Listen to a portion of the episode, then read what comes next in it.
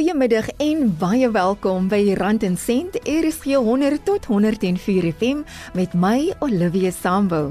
Vandag is die tweede program in die reeks oor die pensioenfonds vir staatsamptenare. Hierdie program word met trots aangebied deur SAIK Opvoedkunde in samewerking met die pensioenfonds vir staatsamptenare. SAIK Opvoedkunde vir ryk denke, vir ryk lewens. Hoewel die meeste werkers dit ten doel stel om tot en met hulle aftrede te werk, kan hulle weens omstandighede genoodsaak word om op vroeë pensioen te gaan. Omilia Hartzenberg, kliëntedienskonsultant by die Pensioenfonds vir Staatswerkers, gee hier insig oor die verskillende vorms van aftrede waarvoor die fonds voorsiening maak. Die normale aftreeouderdom is 60. Ouderdom 60. Die reëls van die fonds maak wel voorsiening vir vervroegde aftrede wat ouderdom 55 is. Die manier hoe jy aangestel is gaan bepaal of jy die, by die fonds kan aansluit al dan nie. En dan moet ek ook dan byvoeg, die manier hoe jy aangestel word gaan ook bepaal wat jou aftrede ouderdom gaan wees op die einde van die dag. Mag ek gou 'n voorbeeld? Ek is aangestel volgens die Public Service Act. Okay? So almal daar buite wat aangestel is volgens die Public Service Act se normale aftrede ouderdom is 65. So met ander woorde, verpligte aftrede is 65 vir Oumelia. Maar die Government Employees Pension Fund se reël sê Oumelia mag op ouderdom 60 aftree. En normale aftrede. En die fonds se reël sê ook Oumelia mag op ouderdom 55 met vervroegde aftrede gaan. Maar dit is as jy volgens die Public Service Act aangestel is, dan werk dit so. Sê byvoorbeeld ek is volgens die polisie of die uniformwet aangestel. Dan het ek 'n ander aftrede ouderdom. Dan moet ek ouderdom 60 waai. Jy kan nie tot 65 toe werk nie. So korrektiewe dienste, die polisie diens, Department of Defence, hulle almal mag net tot ouderdom 60 werk. So nou praat ons van 60 normale aftrede sonder enige penalisasie en 55 vervroegde aftrede met of sonder penalisasie. Wanneer word jy gepenaliseer? Want as ek penalisasie en geld in een sin hoor, raak ek bekommerd. Jy moet bekommerd raak, vrou. Kom ek sê vir jou. Toe ek begin werk het, het ek 'n kontrak geteken, conditions of service, en dit het gesê ek gaan tot 65 toe werk. Goed. Die jare het aangestap en toe begin die liggaam nie meer so gewillig opstaan in die oggende nie. Siel is gewillig, maar die liggaam nie. So nou is ek 55 en ek kan regtig nie meer nie. So nou mag ek na my departement of na my werkgewer toe gaan en vir hulle vra, mag ek op vervroegde aftrede gaan? Ek weet ek het 'n kontrak in plek dat ek tot um, 65 toe moet werk. So ek vra vir die werkgewer, jy kan nie vir GBF vra nie, hoor ek moet vir my werkgewer vra, mag ek 55 wy en my redes vir hulle gee. My werkgewer kan sê ja, Amelia, jy mag met vervroegde aftrede gaan want ons wil juis plek maak vir nuwe bloed of iets soos daai. Maar hulle kan vir my laat op vervroegde aftrede gaan met penalisasie of sonder penalisasie. Kom ons kyk na wat is die penalty? Die penalty is basies 0.33% vir elke maand voor die ouderdom 60. Dit klink nie baie nie, maar as jy daai 0.33 omskakel in 1 jaar, dan is dit 4% vir 'n jaar. 4% maal 5 jaar is 20%. So jy word dan gepenaliseer 20% in beide jou enkelbedrag sowel as jou maandelikse pensioen. En ek sê altyd vir die ooms en die tannies, jy gaan nooit al is jy nog vir nog 50 jaar 'n pensionaris, jy gaan nooit dat 20% kan inhaal nie. Jy gaan altyd 'n agterstand hê met 20% in beide enkelbedrag en maandelikse pensioen. Dis 'n een scenario. Of jou werkgewer kan sê en dit is wat myne Hans hoor. Hulle kan sê Oumelia, jy was so 'n stunning werker, nê. So ons voel daai penalty, daai employee liability gaan ons die werkgewer namens jou betaal. So hulle betaal dan basies die 7.5% wat wat Omelie vir die volgende 5 jaar moes bygedra het. Hulle betaal die 13% wat die werkgewer moes bygedra het plus rente betaal hulle oor aan GPF. Dan tree Omelia af op ouderdom 55 asof sy tot ouderdom 60 toe gewerk het. Met ander woorde sonder penalisasie. Ek hoop is duidelik. So basies hang dit dan af van die werkgewer. Korrek, vrou, en baie min mense verstaan dit. So jy word met die klippe gegooi vir die besluit van die werkgewer. Vrou, ek sê jou vroeër die jaar het die minister aangekondig dan gaan 'n early retirement projek wees. Goed. En elke departement was verantwoordelik vir sy eie projek. En dan het die mense na ons toe gekom om te hoor nou wanneer gaan hulle die opsie kry. Ons is heel aan die einde van die ketting wanneer alles gefinaliseer is by die departement of die onderhandelinge het klaar plaasgevind en dan eers kry ons die dokumentasie en ek sê altyd ons is administrateurs. En wat doen ons? Ons prosesseer wat ons kry. Ons het absoluut niks te doen met die onderhandelinge ten opsigte van wie gaan en wie gaan nie die pakket kry nie soos die mense daar buite praat. Yes. So met ander woorde Jou werkgewer kan ook vir jou sê nee, jy lyk nog sterk en gesond. Jy sal nog met aanhou werk tot ek besluit jy kan gaan of tot dit jou ouderdom is om te gaan. Korrek. Iemand het my eendag gevra, "So Amelia, waarmee los dit my?" Toe sê ek, "Maar die enigste ander ding is 'n aftrede moet goedgekeur word deur jou hoofkantoor." So jy het nie toestemming nodig om te bedank nie. Jy kan 24 hour notice gee. En dit was Amelia Hartzenberg van die Pensioenfonds vir Staatsamptenare. Daar is onopgeëiste voordele van meer as 1 miljard rand by die pensioenfonds vir staatsamptenare. Dis geld wat voormalige lede of hulle begunstigdes nooit geëis het nie, maar wat hulle toekom. As jy dalk 'n voormalige lid of 'n begunstigde is of as jy weet van iemand wat voorheen 'n staatswerker was en nooit hulle voordele van die fonds geëis het nie, moet hulle in verbinding tree met die pensioenfonds vir staatsamptenare. Aan die einde van die program sal ons al die kontakbesonderhede gee, so bly asseblief ingeskakel. As jy dalk in die bevoordeelde posisie is waar jy 'n groot bedrag geld tot jou beskikking het, Is dit beter om dit eenmalig as 'n lompsom te belê of sal jy 'n beter opbrengs te kry as jy elke maand 'n sekere bedrag belê?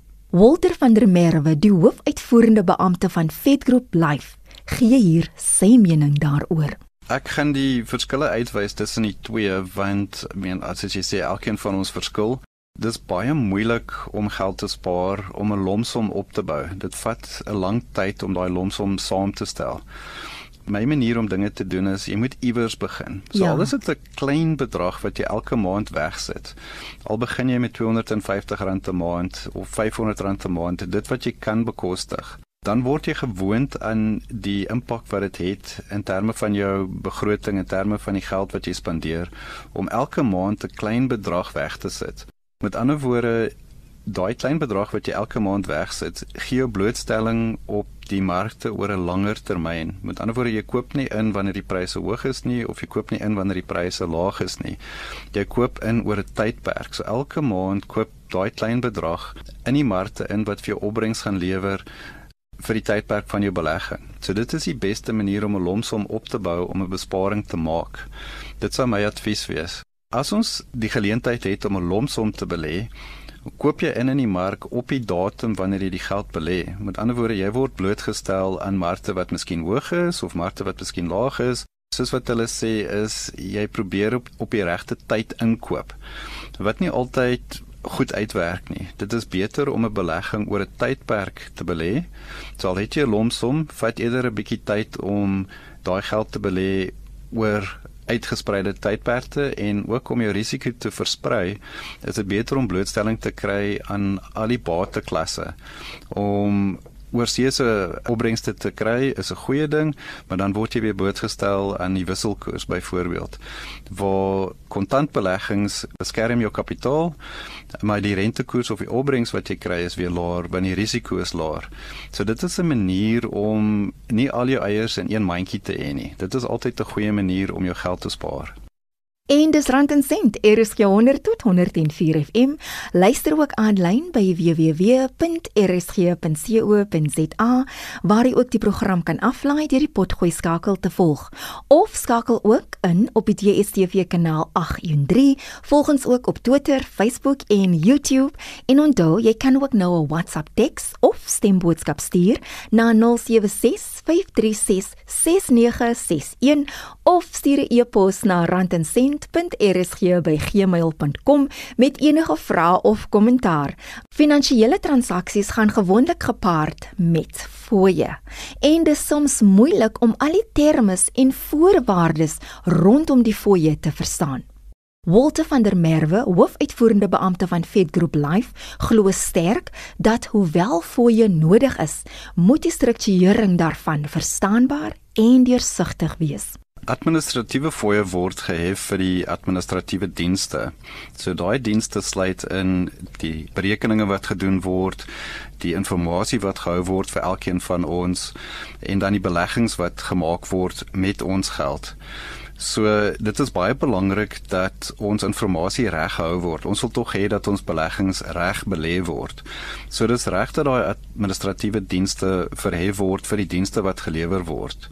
Dis net hoe daai fooie verhaal word wat in baie gevalle gekompliseerd raak. Byvoorbeeld, daar is fooie wat vooraf verhaal word.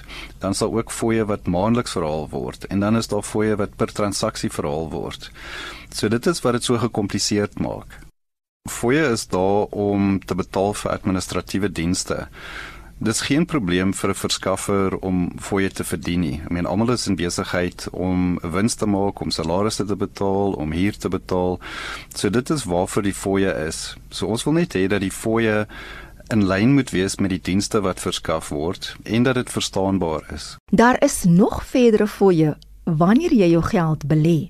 So die ander fooie wat daaraan verbonde is, is ook die beleggingsbestuurkoste. So daai kostes word as 'n jaarlikse persentasie vasgestel en dan maandeliks verhaal van jou belegging af. So dit werk op 'n regte of 'n goeie manier dat daai fooie net verhaal word gebaseer op die opbrengste wat gelewer word op die belegging wat jy geplaas het. 'n Ander manier wat fooie verhaal word is dan voorafkostes en dit is nie goed nie want voorafkostes vat geld af van jou belegging van dag 1 af. So dit vat dan 'n baie lang tyd vir jou om daai kostes te verhaal met opbrengste. So voorafkostes is altyd 'n indikasie dat jy baie meer gaan betaal vir die produk wat jy uitneem. Want die belegging wat uitgeneem word is 'n langtermynbelegging. Al is dit net vir 'n vir 'n jaar of vir 5 jaar maak dit nie saak nie. So daai dienste word gelewer op 'n langer tydperk sodat daai kostes dan kan verhaal word of verdien word oor die tydperk van die belegging. Dit maak tog sin want jy wil dienste hê deur die volle tydperk van die belegging. Dit maak nie sin dat al die kostes vooraf verhaal word nog voordat die dienste gelewer is vir die belegging wat jy uitgeneem het. Dis nie altyd maklik vir beleggers om fondse met mekaar te vergelyk nie wanneer hulle na beleggings soek wat goeie opbrengste lewer nie. Die rede hoekom dit so moeilik is, is ongelukkig is daar produkverskaffers wat dit baie gekompliseerd maak. Dis altyd beter om 'n deursigtige produkte uit te neem waar jy kan verstaan wat die kostes is. 'n Klein persentasie in fooie met saamgestelde rente oor 'n langer termyn maak so groot impak op jou belegging dat dit die moeite werd is om te kyk na daai fooie vooraf. En as daar nie regte antwoorde is vir die vrae wat gevra word nie, dan is dit 'n indikasie dat dit te gekompliseerd is en is dan altyd beter om na 'n produk te gaan of 'n produkverskaffer toe te gaan waar jy vooraf kan verstaan presies wat daai kostes is en hoe dit werk. Daar is wel maniere hoe jy jou jaarlikse fooie kan bereken. Ons het nie probleem dat verskaffers fooie verhaal nie, dat dat hulle hulle kostes moet dek en dan ook 'n wins moet maak op die dienste wat hulle vir ons lewer nie. So dit is dan redelik om te verwag dat hulle ook deursigtig moet wees in terme van die kostes wat hulle verhaal van die produkte wat ons by hulle uitneem, van die beleggings wat ons by hulle plaas nie. So daai jaarlikse kostes is 'n persentasie van die belegging oor 'n voljaar wat dan uitgewerk word en gedeel word deur 12, met ander woorde om dit 'n maandelikse fooi te maak. En dit is die rand en sent wat dan verhaal word van die belegging wat ons uitneem. So om dit reg uit te werk, werk my voorstel is om te werk op 'n maandelikse koste kyk ons word maandeliks betaal met ons salarisse, met die inkomste wat ons verdien en ons het onkoste wat ons maandeliks betaal. So dit is 'n goeie manier om daai jaarlikse koste te vat en dit dan uit te werk op 'n maandelikse koste om te sien of dit redelik is of nie. Wat is die persentasie waarmee ek kan werk om te verseker dat ek die maksimum uit my belegging uitkry? Persentasies is altyd moeilik om te interpreteer want dis nie rand en sent nie. Ja. So my advies is om daai persentasie te vat en die berekening te doen om te sien wel wat is die rand en sent wat ek gaan betaal. Wat is die jaarlikse koste wat ek gaan betaal? Wat is die maandelikse koste wat ek gaan betaal? En is dit in lyn met die dienste wat ek gaan kry? Maak dit sin? So dit is 'n redelike vraag om te vra. 'n Spesifieke persentasie is moeilik om vas te lê want beleggings verskil. So waar aandele byvoorbeeld gekoop word of daar meer gekompliseerde prosesse is om die belegging te maak, is dit dan reg dat hoër kostes gevra word. Maar wanneer dit kom by 'n bankbelegging of 'n tipe rentedraande belegging wat redelik eenvoudig is, behoort die kostes dan ook laer te wees. So dit is 'n manier om 'n vergelyking te maak tussen die tipe beleggings waarin jy belê om te sê is hierdie 'n gekompliseerde proses om die opbrengste te lewer of is dit 'n deursigtige proses wat maklik verstaanbaar is. Ten spyte van die fooie is dit steeds raadsaam om professionele advies te kry wanneer jy wil belê mense wat spesialiseer in beleggings, mense wie se werk en passie dit is wat dit elke dag doen, kan dit die beste doen vir ons. Dis hoekom ons gemaklik is om vir hulle fooi te betaal. Ongelukkig in die nuus en die pers hoor ons altyd van die mense wat oneties is en die mense wat die regte dienste lewer en die regte dinge doen waarvan daar baie is wat vir ons die opbrengste kan gee wat ons verdien. Jy hoor nie van hulle wanneer hulle dit goed en reg doen nie. Jy hoor net as daar foute is. So daar's regtig baie goeie adviseurs, daar's baie goeie beleggingsprodukte wat ons beskerm wat absoluut dit gaan doen vir ons en dit is die moeite werd om daai fooi aan hulle te betaal eerder as om dit self te probeer doen. Die gewone verbruiker gaan nie sit en daai berekeninge maak nie.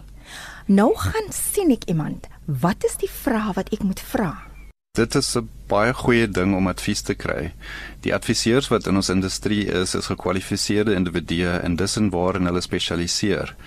So hulle is daar om ons te help. Soos is daarom nie op ons eie nie. Die adviseurs is in staat om die berekeninge vir ons te doen en dit so voor te lê sodat ons kan verstaan wat daai kostes is. So die vraag wat gevra moet word is hoeveel gaan dit my kos vooraf vir die belegging? Met ander woorde, wat is die kostes wat gaan verhaal word op die geld wat ek vooraf belê? Wat is my maandelikse kostes en hoe gaan hierdie kostes verhoog oor die tydperk van my belegging? In baie gevalle is die eerste jaar kostes hoër want daar's kostes wat aangeneem word om die produk in plek te stel, maar daarna gaan die kostes verlaag. So wat is die totale koste oor die volle tydperk van my belegging? Daai is die vraag wat gevra moet word. Dit was Walter van der Merwe, hoofuitvoerende beampte van Fed Group Life.